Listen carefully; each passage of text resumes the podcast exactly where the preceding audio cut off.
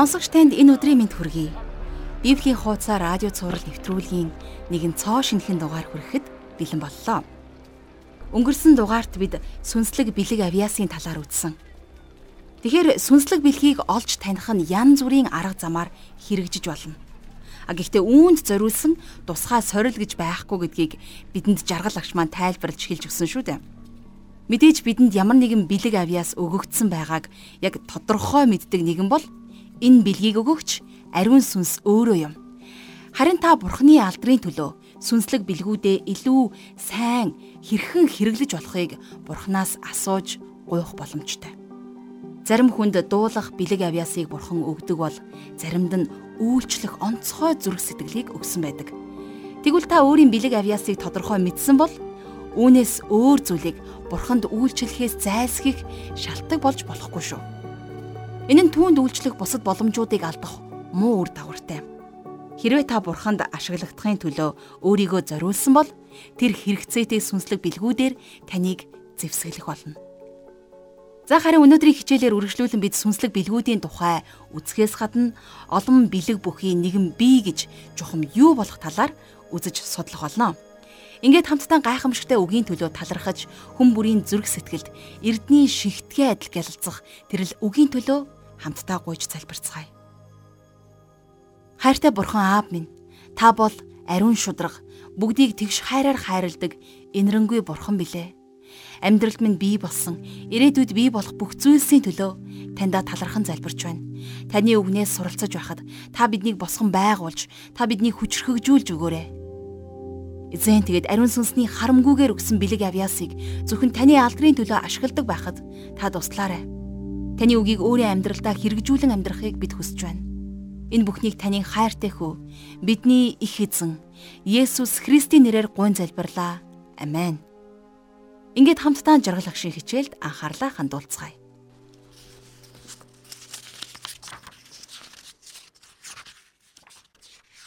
За өнөөдрийнхөө хичээлээр хамтдаа 1-р Коринт номынхон 12 дугаар бүлгийг үргэлжлүүлэн судалцгаая. За өнгөрсөн хичээл дээр бид нэр бурхан хэрхэн өөрийн хүмүүст хүн тус болгонд нь сүнслэг тусгай бэлгүүдийг өгдөг тухай үзэж эхэлсэн тийм ээ. Тэгэхээр сүнслэг тэдгээр бэлгүүдээр бурхан хэрхэн та биднийг ашигладаг болох тухай. За дээрэс нь бурхан та биднийг нэгдмэл нэгэн бий болгож та бидэнд өөрөөр авьяас бэлгүүдийг өгсөн байдаг тухай товчхон ярилцсан. Өнөөдөр үргэлжлүүлээд хамтдаа 12 дугаар бүлгийнхээ 8 дугаар ишлэлээс суралцъя. Нэгэнд нь мэрэгэн ухааны үгийг сүнсээр өгсөн бол нөгөөд мэдлэгийн үгийг тэр л сүнсээр өгсөн бөгөөд за энд төр зогсъё. За энд мэрэгэн ухаан гэж хэлсэн байна. За мэрэгэн ухаан гэдэг нь бол үннийг ойлгох чадвараа гэсэн үг. Тэгэхээр хүн болгон Библийг шууд уншаад ойлгож чаддгүй. За тийм учраас биднэрт Библийн багш нар хэрэгтэй байдаг. Харин Бурхны сүнс та бидэнд тэдгээр багш нарыг хангаж өгсөн. Мэргэн ухаан болвол Бурхны үгийн үннийг ойлгох чадвар. За дээрэс нь мэдлэг гэдэг үг болвол тэр үннийг ухаж судалж шинжлэх гэсэн утгатай.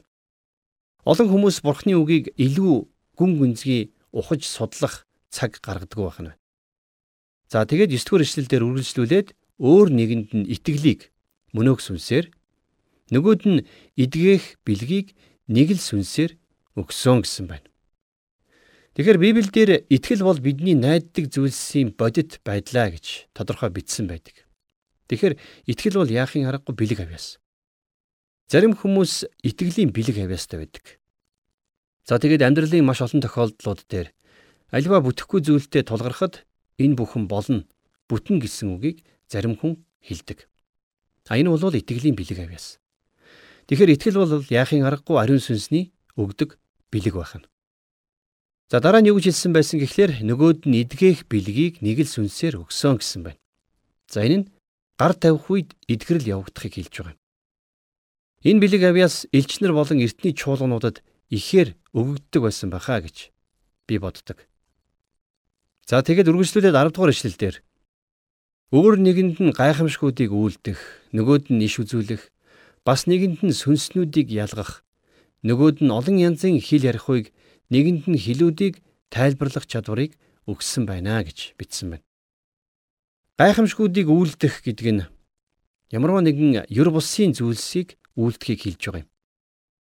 Илч нарын үед гайхамшгууд үйлдэгддэг байсан. Харин өнөөдөр бид нэр илүү агуу зүйлсийг харж байна. Есүс энд байгаад хин нэгэн хүнд бурхны үгийг тунхаглахад тэр хүн аврагдах юм бол би гайхахгүй. Харин би бурхны үгийг тунхаглаж хин нэгэн хүн аврагдах юм бол энэ бол илүү агуу зүйл.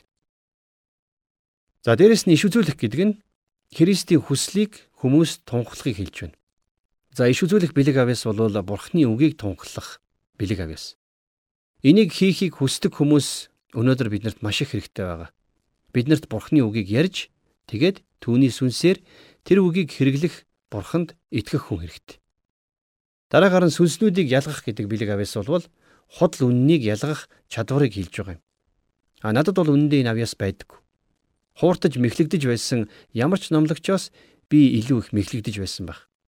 Тэгэхээр би зарим нэгэн номлогч, зарим нэгэн сүмийн ажилтнууд гих мэд хүмүүст итгэж тэднийг агуу гэж боддог.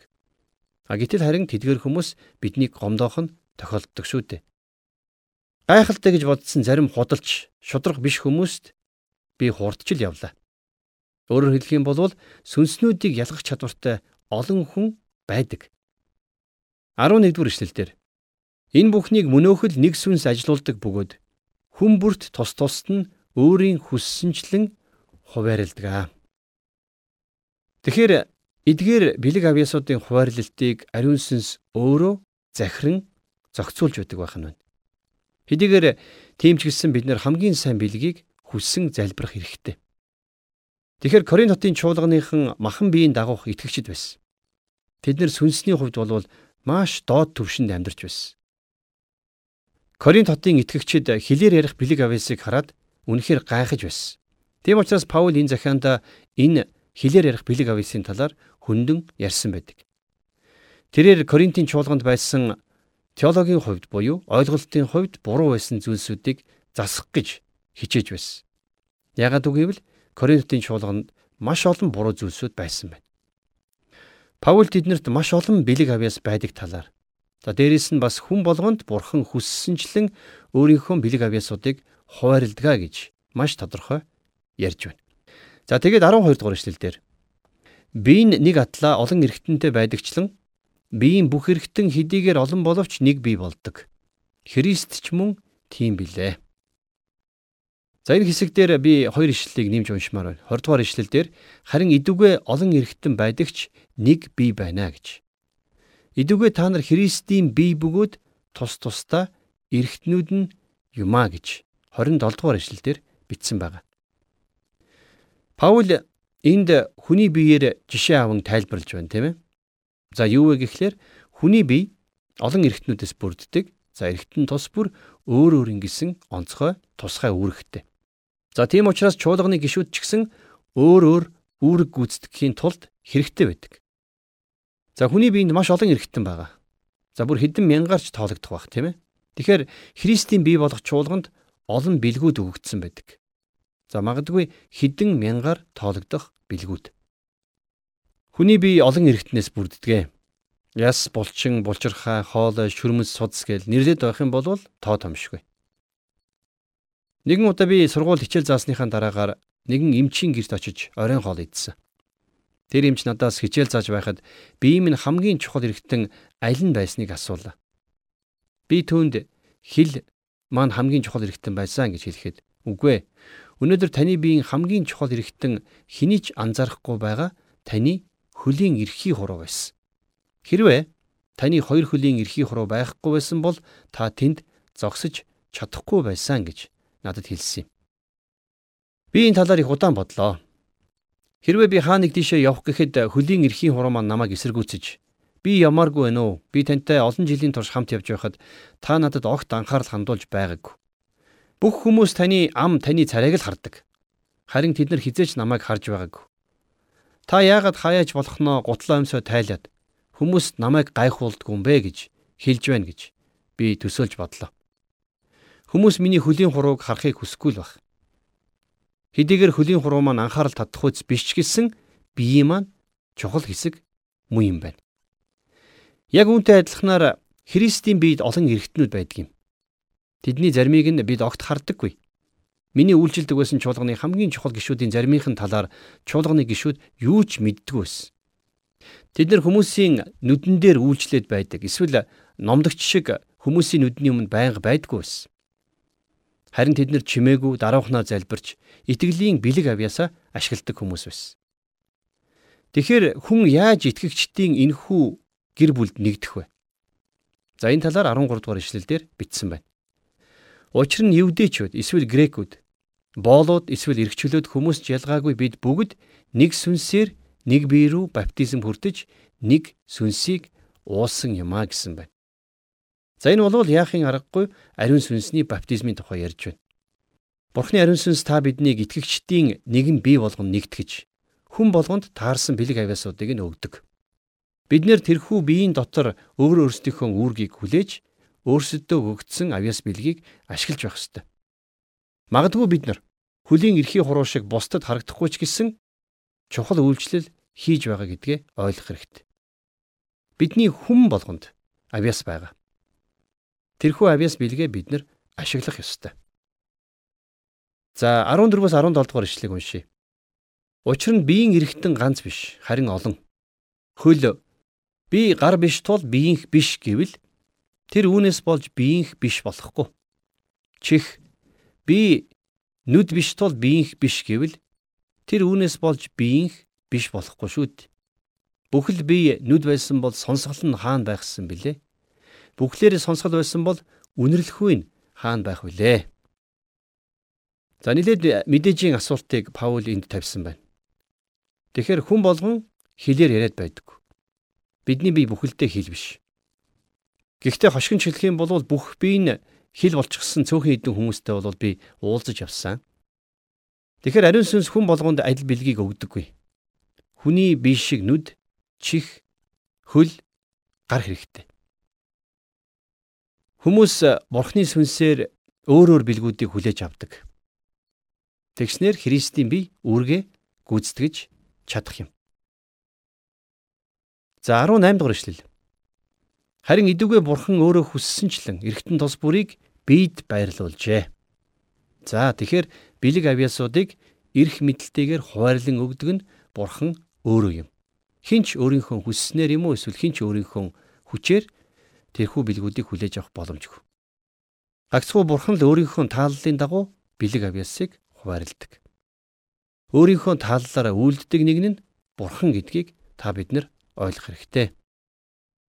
За эдгээр бэлгүүд нь Христийн бий болсон чуулганд зориулагдсан өгөгддөг. Тэгснэр тэр бие жинхэнэ үүргээ бүрэн бүтэн гүйцэтгэх боломжтой болж байгаа. За чуулганд явдаг нэг залуу ер бусын бэлэг авяаст байсан. Тэр залуу ухтагч хийдгүү байсан ч гэсэн чуулганы хамгийн ард зогсоод цуглаан явагдаж байх хугацаанд саадуулах ямарваа нэгэн зүйл болох юм бол асуудлыг маш сайн шийдвэрлэдэг байсан. Хэрвээ хүүхэд уйлах юм бол угтагч нарын нэг нь очиод ээжд нь гадагшаа гарахыг хүсэж дагуулan гаргадаг байсан. Харин тэр залууд бэлэг авьяас нь байсан гэсэн үг. Тэр залуу хүүхдийн ээж дээр очин хүүхэдтэй нь хэсэг тоглож байгаад ээжд нь Өө нэрээ бид нэр хүүхэд асрагчтай. Хэрвээ та зөвшөөрөх юм бол би танд хүүхэд асрагч хаана байдгийг зааж өгье гэж хэлдэг байсан. Тэгэхээр тэр залуу чуулганд саад болох аливаа хүмүүсийн асуудлыг шийдэж өгдөг байсан. Би тэр залууд хэлсэнчлэн тэр залуу маш ховор чуулганд хэрэгтэй бэлэг авьяастай хүн байсан. Магадгүй та энийг бэлэг авьяас гэж хэлсэнд гайхаж байж болох юм. Тэгвэл гайх зүйлгүй. Энэ бол мэдээжээр бэлэг авьяас. За дээрэс нь хоол хийх, торт хийх, юм оёрч гэсэн бэлэг авьяас.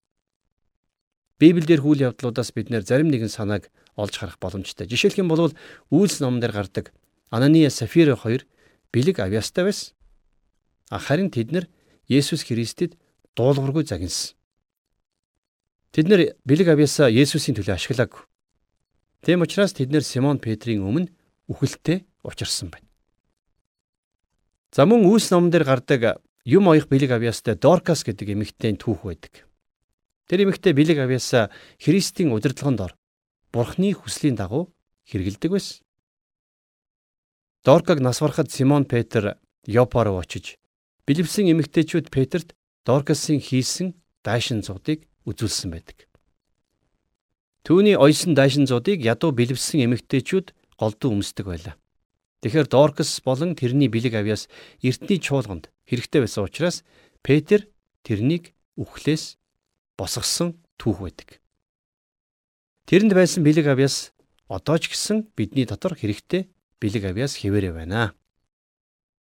За Петрийн тухай ярьсных Симон Петр ч гэсэн бас бэлэг авьяас байсан. Тэрээр Пентекостийн өдөр маш агуу номлогч болохоо харуулсан. Бурхан түүнийг агуугаар ашигласан. За тэгээд тэрний бэлэг авьяас цаашид бурханд хэрэггүй болох үед тэр эзэн рүүгээ явсан байна. Тэгэхээр бурхны сүнс энэ бүх бэлэг авьяасуудыг зохицуулан удирдах байдаг байх нь. Тэр л юун чухал, юун чухал биш болохыг тодорхойлж байна. Хэрвээ бурхан таныг бялууж игнэж даашинз оюулахаар дуудсан бол түүнийг хийгээрэй. Энэ бол бэлэг авьяас. Ариун сүнс бидний бэлэг авьяасыг хэрэглэж Есүс Христийн удирдлагын дор сүм чуулганы төлөө хэрэглэхийг хүсэж байдаг. За 12 дугаар бүлгийнхээ 19-оос 22 дугаар ишлэгийг уншъя. Хэрэг бүгдээрээ нэг эргэтэн байсан бол би н хаан байх вүлээ. Харин идүгэ олон эргэтэн байдаг ч нэг бий байна. Нүд чи надад хэрэггүй гэж гарт эсвэл толгой та нар надад хэрэггүй гэж хөлд хэлж чадахгүй юм. Бүр мөхс мэд санагдах эргэтэн харин ч бид илүү хэрэгтэй байдаг юм аа. Тэгэхээр та бид нэр чуулганы гишүүд бид нар нэгэн гэр бүл. Бид нар бие биендээ маш их хэрэгтэй. Эзэн биднийг бүгдийг нь хэрэглэхийг хүсэж байгаа. Үргэлжлүүлээд 23-аас 25 дугаар ишлэлдэр бидэнд тийм ч эрхэм биш санагддаг биеийн эргэтнүүдээ бид илүү эрхэмлэн хувцалдаг бөгөөд хүндлэлгүй харагддаг эргэтнүүддээ илүү хүндэтгэлийг үзүүлдэг. Бидэнд хүндэтгэлтэй харагдах эргэтнүүдэд энэ нь хэрэггүй байж. Харин бурхан биеийг ийхүү нэгтгсэн бөгөөд дутмагдуу эргэтнүүдэд илүү эрхэмлэл өгдөг. Ингэснээр бид хагаралгүй. Харин эргэтнүүд нь бие биендээ адилхан халамжтай байх юм а гэсэн баг. Нэгэн бяцхан давжаа хүү дасгал хийж хөндийг өргөж байна гэж төсөөлөе л дөө. Тэр хүү булчингаа хөгжүүлэхийг хичээж хүчтэй болон том биетэй болохыг хичээж байна. За яг энэ шиг бурхан итгэгчдийн биед байнга анхаарлаа хандуулж байдаг. За ингэж байж жижиг бэлгүүд хөгжих юм. Өнөөдрийн чуулганд хөгжүүлэх хэрэгтэй олон олон бэлэг авьяасууд байна. Магадгүй та өөрийгөө эзний төлөө юу ч хийхгүй байна гэж бодж иж болох юм. Энэ дэлхий дээр хамгийн их сэтгэл хөдлөсөн зүйлийн нэг бол ялангуяа хэрвээ та залуу хүн бол Бурхан танаар юу хийлгэхийг хүсэж байгааг Тэр таныг хааш нь явуулахыг хүсэж байгааг олж мэдэх мэдлэг юм шүү дээ. Бурхан танд чухам яг ямар бэлэг өгснийг олж мэднэ гэдэг бидний хувьд хамгийн том нээлт байна. Цааш нь Паул үргэлжлүүлэн энэ бүгд хийгдэх ёстой. Тэгснэр эзний биеийн дотор хагарал гарахгүй юмаа гэж дараачийн ишлэлдэр бичсэн байна. За 26 дугаар ишлэлдэр нэг эргэтний зов бол бүх эргэтэн хамт зовно. Нэг хэрэгтний алдаршвал бүх хэрэгтэн хамт баярлах болно гэсэн байна. Тэгэхээр өнөөдөр Христийн чуулган дотор атаархал гэдэг зүйл байх ёсгүй. Яагад үг гэвэл бид нар бүгдээрээ нэг л биеийн олон эргэтнүүд. Нэг нь хүндлэгдэвэл бид нар бүгдээрээ тэр хүндлэлийг авдаг. Нэг нь зовх юм бол бид нар бүгдээрээ хамт түүнтэй зовно. Ёстой л Монгол ардын зүүр цэцэн үгэнд байдаг шиг нэг үхрийн ивэр дөргивөл мянган үхрийн ивэр дөргих ёстой. 27-оос 28 дугаар ишлэлдэр Идүгэ та нар Христийн бие бөгөөд тус тусдаа эргэтнүүд нь юм. Бурхан чуулганд нэгдүгээрт элч нар, хоёрдугаарт иш үзүүлэгчид, гуравдугаарт багш нар, дараа нь гайхамшиг үйлдэх үе, дараа нь эдгэх бэлгүүд, туслах үе, удирдах үе ба олон төрлийн хэл ярих үег тавьжээ. За тэгвэл энэ дээр туслах бэлэг гэж гарч байгаа биз? Тэгэхээр энэ талаар та юу гэж бодож байна? Туслах бэлэг бол үнэхээр гайхамшигтай бэлэг. Хэрвээ танд энэ бэлэг байгаа бол би энэ бэлгээ таныг ашиглаж байгаа гэж үнэхээр найдаж байгаа шүү. За 29-оос 30 дугаар ишлэгийг үргэлжлүүлэн уншийе. Бүгд элч нар уу? Бүгд иш үзүүлэгчд үү? Бүгд багш нар уу? Бүгд гайхамшигыг үлдэгчд үү? Бүгд эдгэх бэлгүүдтэй юу? Бүгд хэл ярихуугаар ярьдаг уу? бүгд үүнийг нь тайлбарладаг гэж юу? За тэгэхээр Паулийн хэлж байгаа энэхүү асуултууд дотроос хүн болгонд заавал адилхан бэлэг өгөгдөх албагүй гэдгийг хэлж байгаа. Бүгдээр үү? Мэдээж хариулт нь үгүй. Бүгдээрээ гайхамшигыг үлдэж чадах уу? Эсвэл эдгэх бэлэгтэй юу? Мэдээж хариулт нь үгүй. Бүгд биш. За дараагийн 31 дугаар эшлэлдэр иймд үлэмж агуу бэлгүүдийг хүсэн тэмүүлэгтэн би та нарт илүү давуу замыг харуулъя. За хэдийгээр ариун сүнс хүмүүст авиас бэлгүүдийг өгдөг ч гэсэн бид нар бурхнаас хүссэн бэлгээ гуйж болно. Паул биднийг үлэмж агуу бэлгүүдийг хүссэн тэмүүл гэж хэлсэн байна. За өмнө нь бол би Библийн номнуудыг ердөөс ойлгодгүй байсан. За тэр үед би Библийн сургуульд очиод нэгэн номлогчийн номлож байхыг сонссон. Тэр пастор маш энгийнээр Бурхны үгийг тайлбарладаг байсан. Тэр номлолдоо жигнэмгийг хамгийн доод талын тавиур дээр тавьж байж л хүүхдүүд түүнийг авч чадна шүү дээ гэж байн хэлдэг байсан. За тэгээд энийг сонссныхан дараа надад Иохны 21-ийн 17 дээр байдаг. Миний хондийг тижээ гэсэн Есүсийн үг санаанд орж ирж байлаа. Тэр анаашуудыг минь тижээ гэж хэлээг. Тийм учраас би бурханд хандаж эзэн минь би яг л ийм номлогч болмоор байна гэж залбирсан юм. Тэгэхээр би үлэмж агуу бэлгийг хүссэн байгаа биз? Танд бурхнаас үлэмж агуу бэлгийг хүссэн залбирах эрх нь байгаа. Бурхан биднэрт бэлэг авьяасыг өгдөг учраас чуулганд ашиг тустай байдаг юм. Бурхан та бидэнд бэлэг авьяасыг өгдөг хамгийн гол зорилго бол Христийн биеийг өсгөж бойжуулахын тулд хэрэгтэй байдаг. Тэгэхээр та бидэнд байдаг бэлэг авьяасууд Христийн биеийн эргэтэн тус бүрт тустай учраас өгөгддөг байх нэ.